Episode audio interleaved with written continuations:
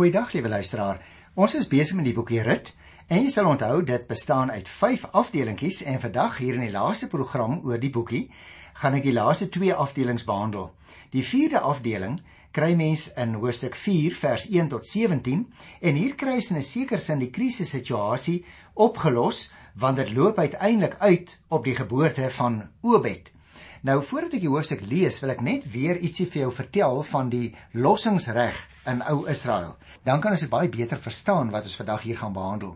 Want jy sien, die lede van die groot familiegroep of clan, soos mense dit ook sou kon noem, was in ou Israel onder 'n wetlike verpligting om mekaar te help en te beskerm.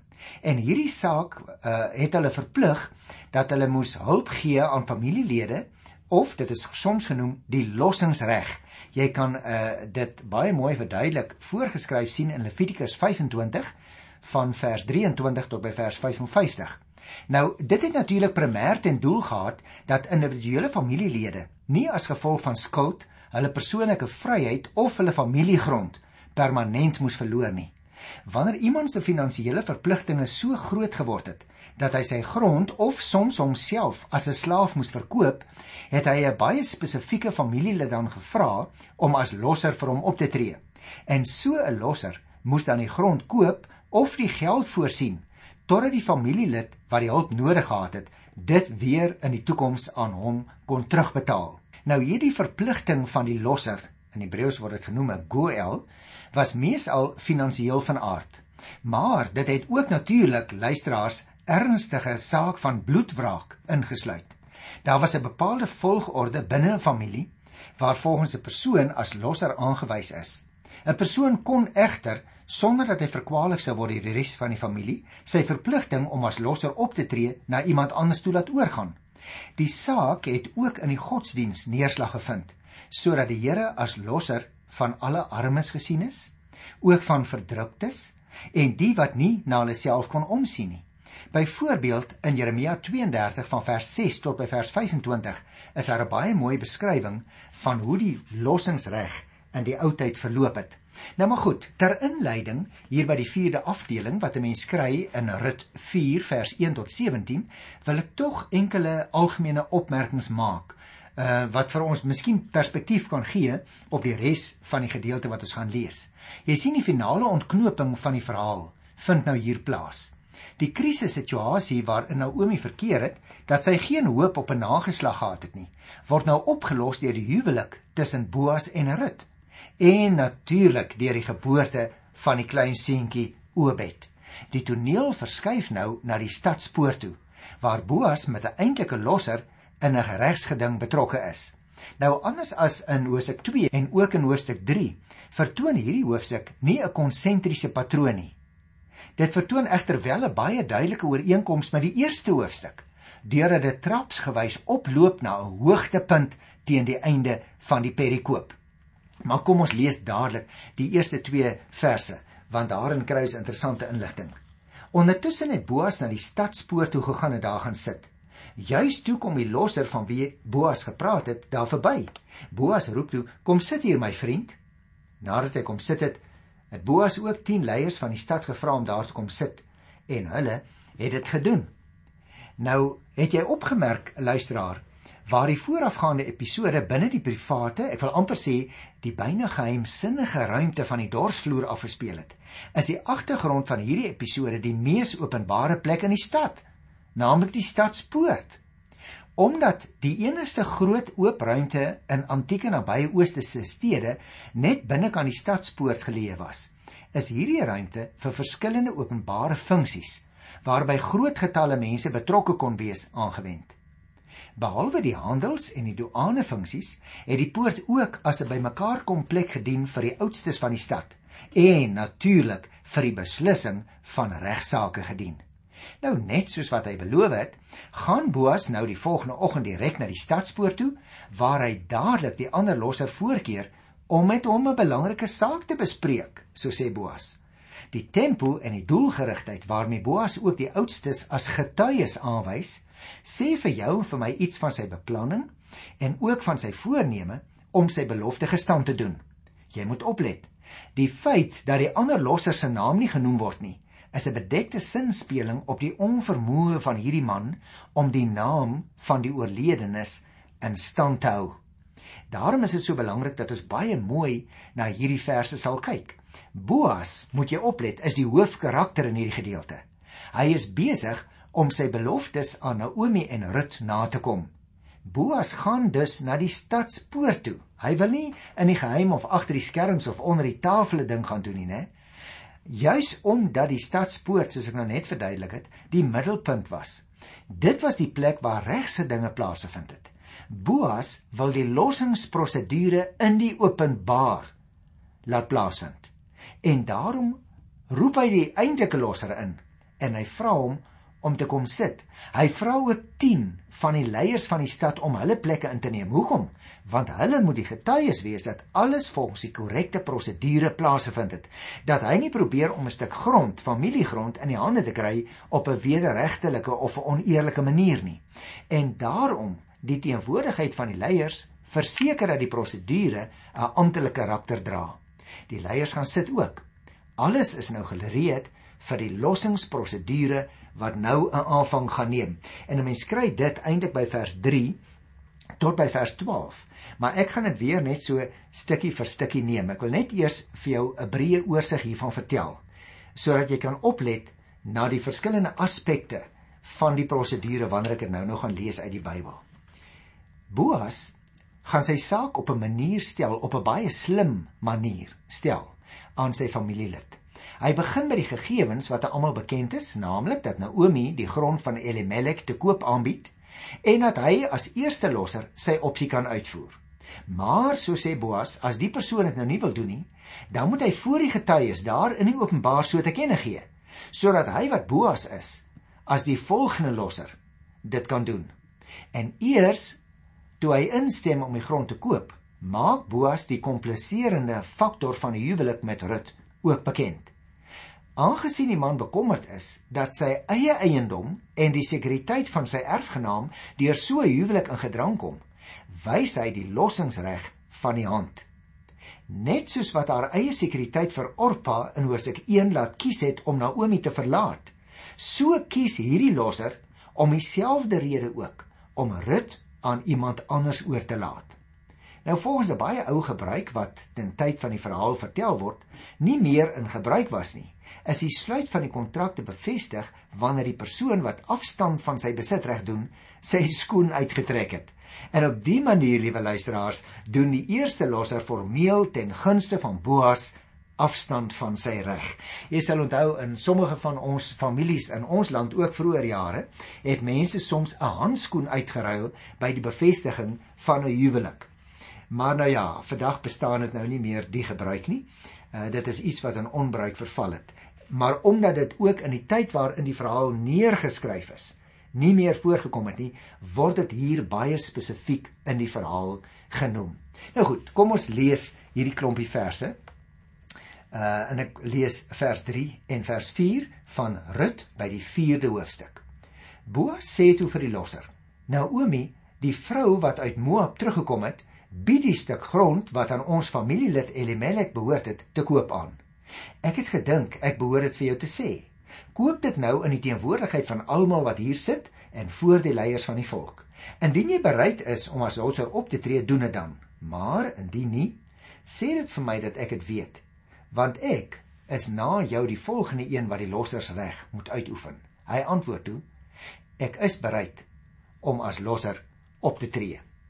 Jy sien liewe luisteraar, die onderhandelingsgesprek tussen Boas en die losser vind hier plaas. Boas gaan met fyn diplomatie te werk ten einde Rut as vrou te verkry. Hy stel dit baie duidelik dat Naomi vasbeslote is om die grond wat aan haar oorlede man Elimelek behoort het te verkoop.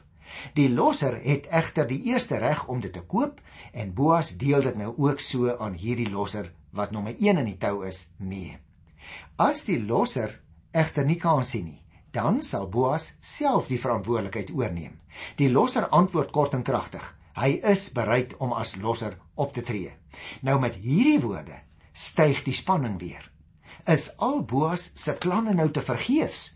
Vra ek myself dadelik af. Kom ons lees verder hier by vers 5 en 6. Daarop sê Boas: Wanneer jy die stuk grond van Naomi koop, en nou moet jy mooi luister luisteraar, kry jy terselfdertyd vir Rut, die Moabitiese weduwee, sodat die grond in die oorledene se familie kan bly. Die losser sê toe: "In daai geval sal ek my reg om as losser op te tree laat vaar, want anders sou dit beteken dat my eie eiendom in gevaar kom. Tree jy dan nou maar op as losser Boas, want ek sien nie meer daarvoor kans nie." Jy moet oplet, liewe luisteraar. Boas volg 'n baie baie fyn strategie. Hy hou sy troefkaart vir laaste. Die losser moet onthou, so herinner hy hom, dat wanneer hy die stuk grond koop, dan kry hy ook vir Rut op die koop toe. Nou sê die teks, toe die losser hierdie inligting, hierdie nuwe inligting ontvang, doen hy dadelik afstand van sy lossersreg. Hy sê ek sien nie meer kans nie. En daarmee staan hy nou sy lossersreg aan Boas af. Wat sou die rede vir die veranderde houding wees? Mag jy miskien vra. Jy sien, luisteraar, hier is dit nodig om iets oor die wat ons al vroeër teëgekom het, die sogenaamde leferaatshuwelik te sê, wat ek ook kortliks verduidelik het aan die begin van hierdie program. Want hier kry ons 'n soort kombinasie tussen die lossingsprosedure en die leferaatshuwelik. Jy sien, die leferaatshuwelik was 'n huwelik tussen 'n kinderlose weduwee en haar oorlede man se broer. Dit wil sê haar swaar. Die doel van so 'n leferaat se verswaarshuwelik was natuurlik om kinders te verwek sodat die oorledene se naam voortgesit kon word en sy grond en sy eiendom in families besit kon bly. Nou hier in die boek Rut was dit streng gesproke dus nie 'n swaarshuwelik nie, maar wel 'n huwelik met 'n familielid. Die losser het waarskynlik tot 'n huwelik ingestem omdat hy gedink het dat hy met Naomi sou trou. Nou, nou jy sal onthou Naomi was al te oud om nog kinders in die wêreld te bring. Die grond wat die losser gekoop het, sou dus binne eie familie bly. Toe Boas nou egter noem dat hy eintlik met Rut sou trou en nie met Naomi wat nie meer kinders kan hê nie. Toe besef die losser onmiddellik die implikasies daarvan. 'n Huwelik met Rut sou kinders oplewer en die grond sou dan die kinders se eiendom word. En daarvoor sien die losser nie kans nie, want hy het self ook kinders en hy wil nie dat daar nou nog 'n kind gebore word uit 'n vrou wat hy nie eers ken en dan gaan sy eie kinders dalk eendag minder erf nie. Dit is die kritieke punt wat ons moet insien anders mis ons die hele vertelling. En daarom doen hy dadelik afstand van sy lossingsreg. Kom ons kyk nou na vers 7 en 8. In Israel was dit gebruiklik by die lossingsprosedure. Nou ek het vir jou gesê, ons het hier 'n voorbeeld wat op die stadium toe dit neergepen is, nie meer bestaan het dat die lossingsprosedure gevolg is nie. En daarom gee die skrywer nou in hierdie geval 'n verduideliking want hy het dit neergeskryf, die verhaal neergeskryf heelwat na die gebeure en jy sal onthou hierdie gebeure van wat die wat ons kry in die boek Rut het voorgekom in die rigterperiode wat heelwat vroeër was as wat die verhaal neergeskryf is eers later in die tyd van die konings. In Israel sê vers 7 was dit gebruiklik by die lossingsprosedure of by die ruil van enige eiendom dat een party 'n skoen uittrek en aan die ander party gee. Dit was die manier waarop die bekragtiging van 'n transaksie in Israel plaasgevind het. Die losser sê toe vir Boas: "Jy kan dit maar koop." En die losser het sy skoen uitgetrek. Nou, hierdie vers luisteraar dink ek is belangrik want dit wil die besondere soort gebruik om 'n skoen uit te trek verklaar. By die oordrag van eiendom het die een man sy skoen uitgetrek en dit aan die ander man gegee. 'n Skoen luisteraars was naamlik die simbool van mag of van heerskappy of selfs ook van besitreg. Om dus die skoen uit te trek en aan iemand anders te gee, was 'n teken dat jy afstand doen van jou reg en dat jy dit aan die ander oordra. En dit is presies wat die losser hier doen. Hy verklaar dat hy afstand doen van sy lossingsreg en hy bevestig dit deur sy skoen uit te trek. Nou kom ons by vers 9 tot 12.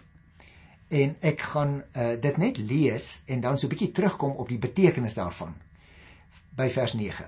Hierop sê Boas vir die leiers en almal teenwoordig: Julle is vandag getuies dat ek alles wat aan Elimelek en Kiljon en Maglon behoort het, van Naomi gekoop het en dat ek ook die Moabitiese vrou Rut, die weduwee van Maglon, vir my as vrou gekry het. So sal die grond in die oorledene se familie bly en sy nagedagtenis nie vergeet word in die volkslewe nie.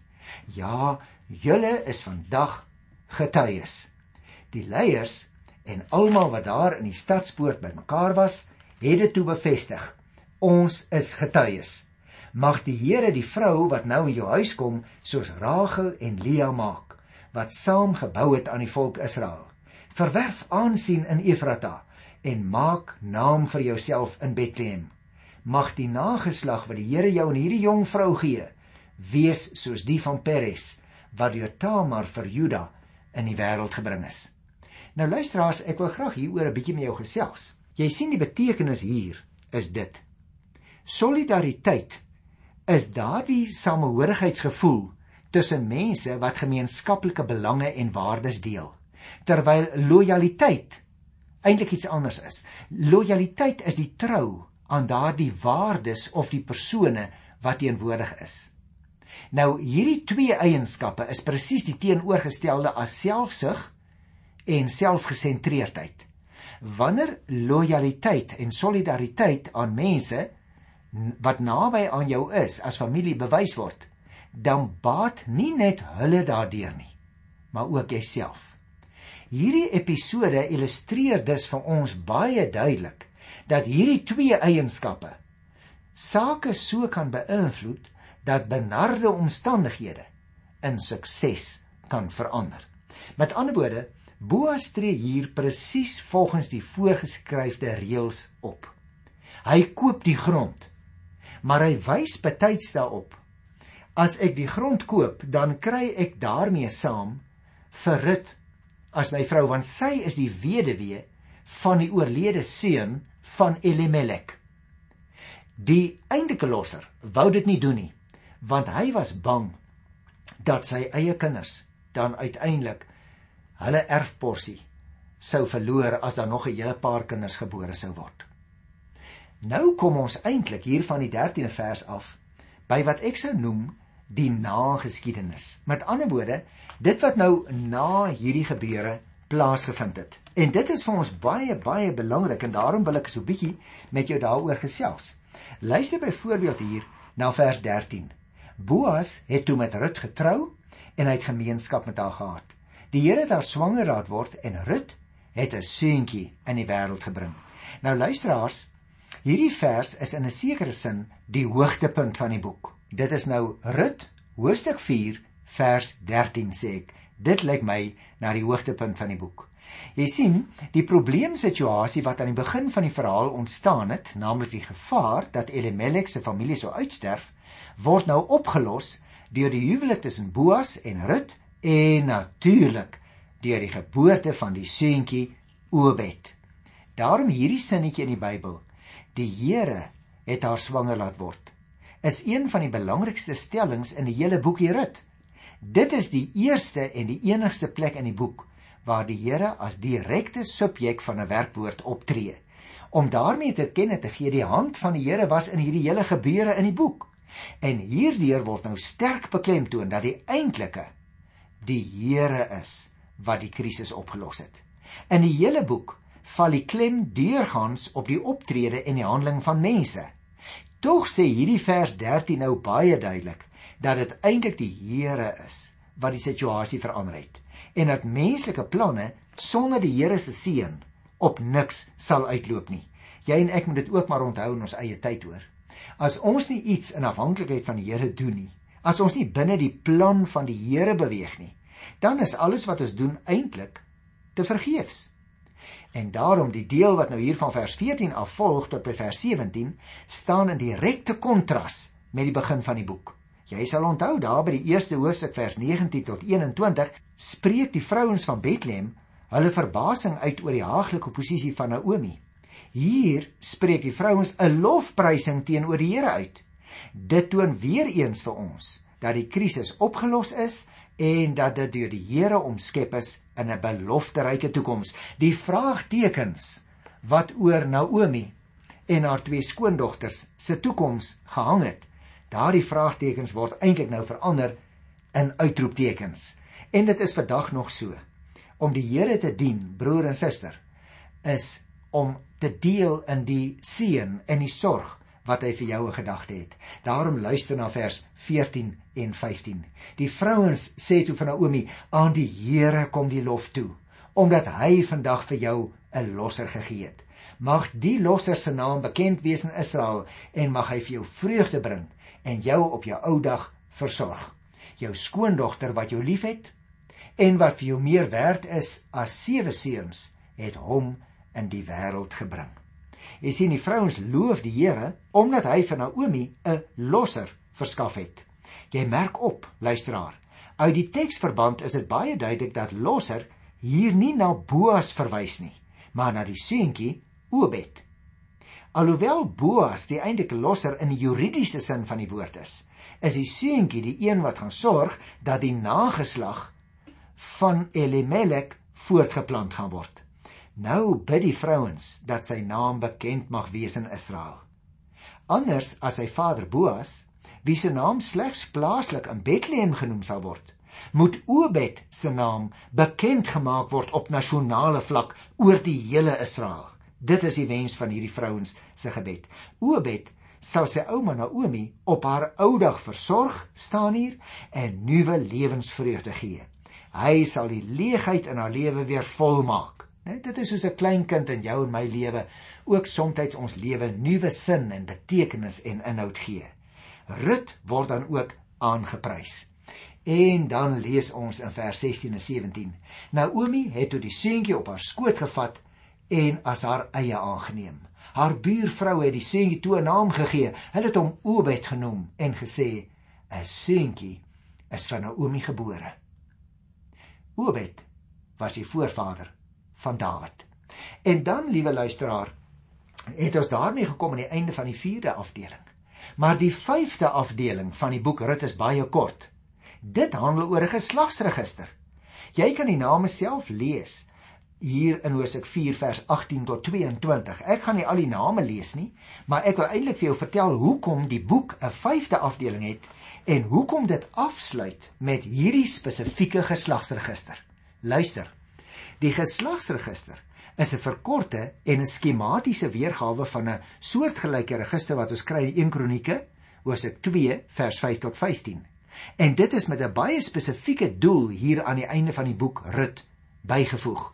Daarmee word naamlik aangetoon dat alhoewel koning Dawid 'n Moabitiese vrou in sy voorgeslag gehad het, die suiwerheid van die bloedlyn nie die belangrikste saak is nie.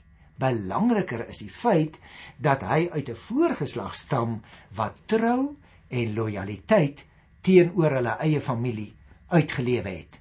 En dit is die belangrike ding. Hierdie gedeelte van die boek luisteraar lewer dus sonder twyfel die meeste en die moeilikste interpretasieprobleme. Sonder om al die argumente aan te voer, lyk dit waarskynlik dat die geslagsregister later by die boek toegevoeg is.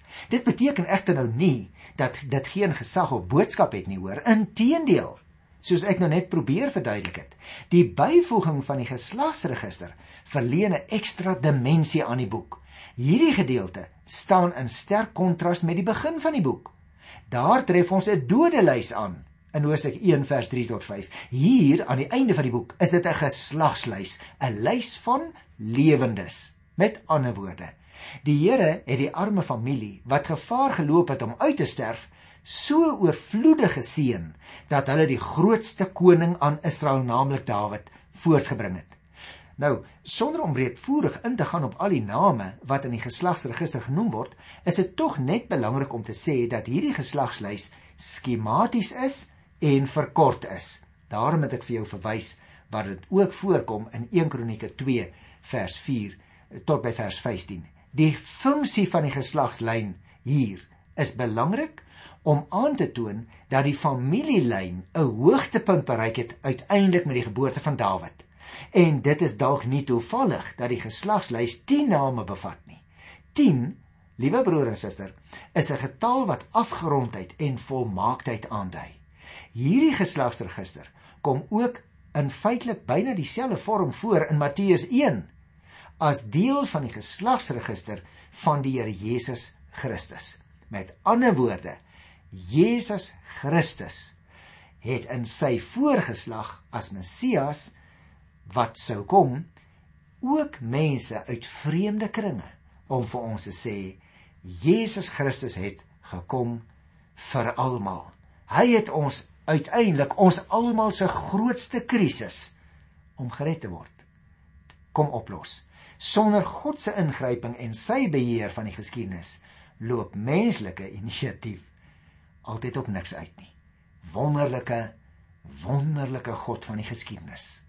In sy naam groet ek jou tot volgende keer. Tot dan. Totsiens.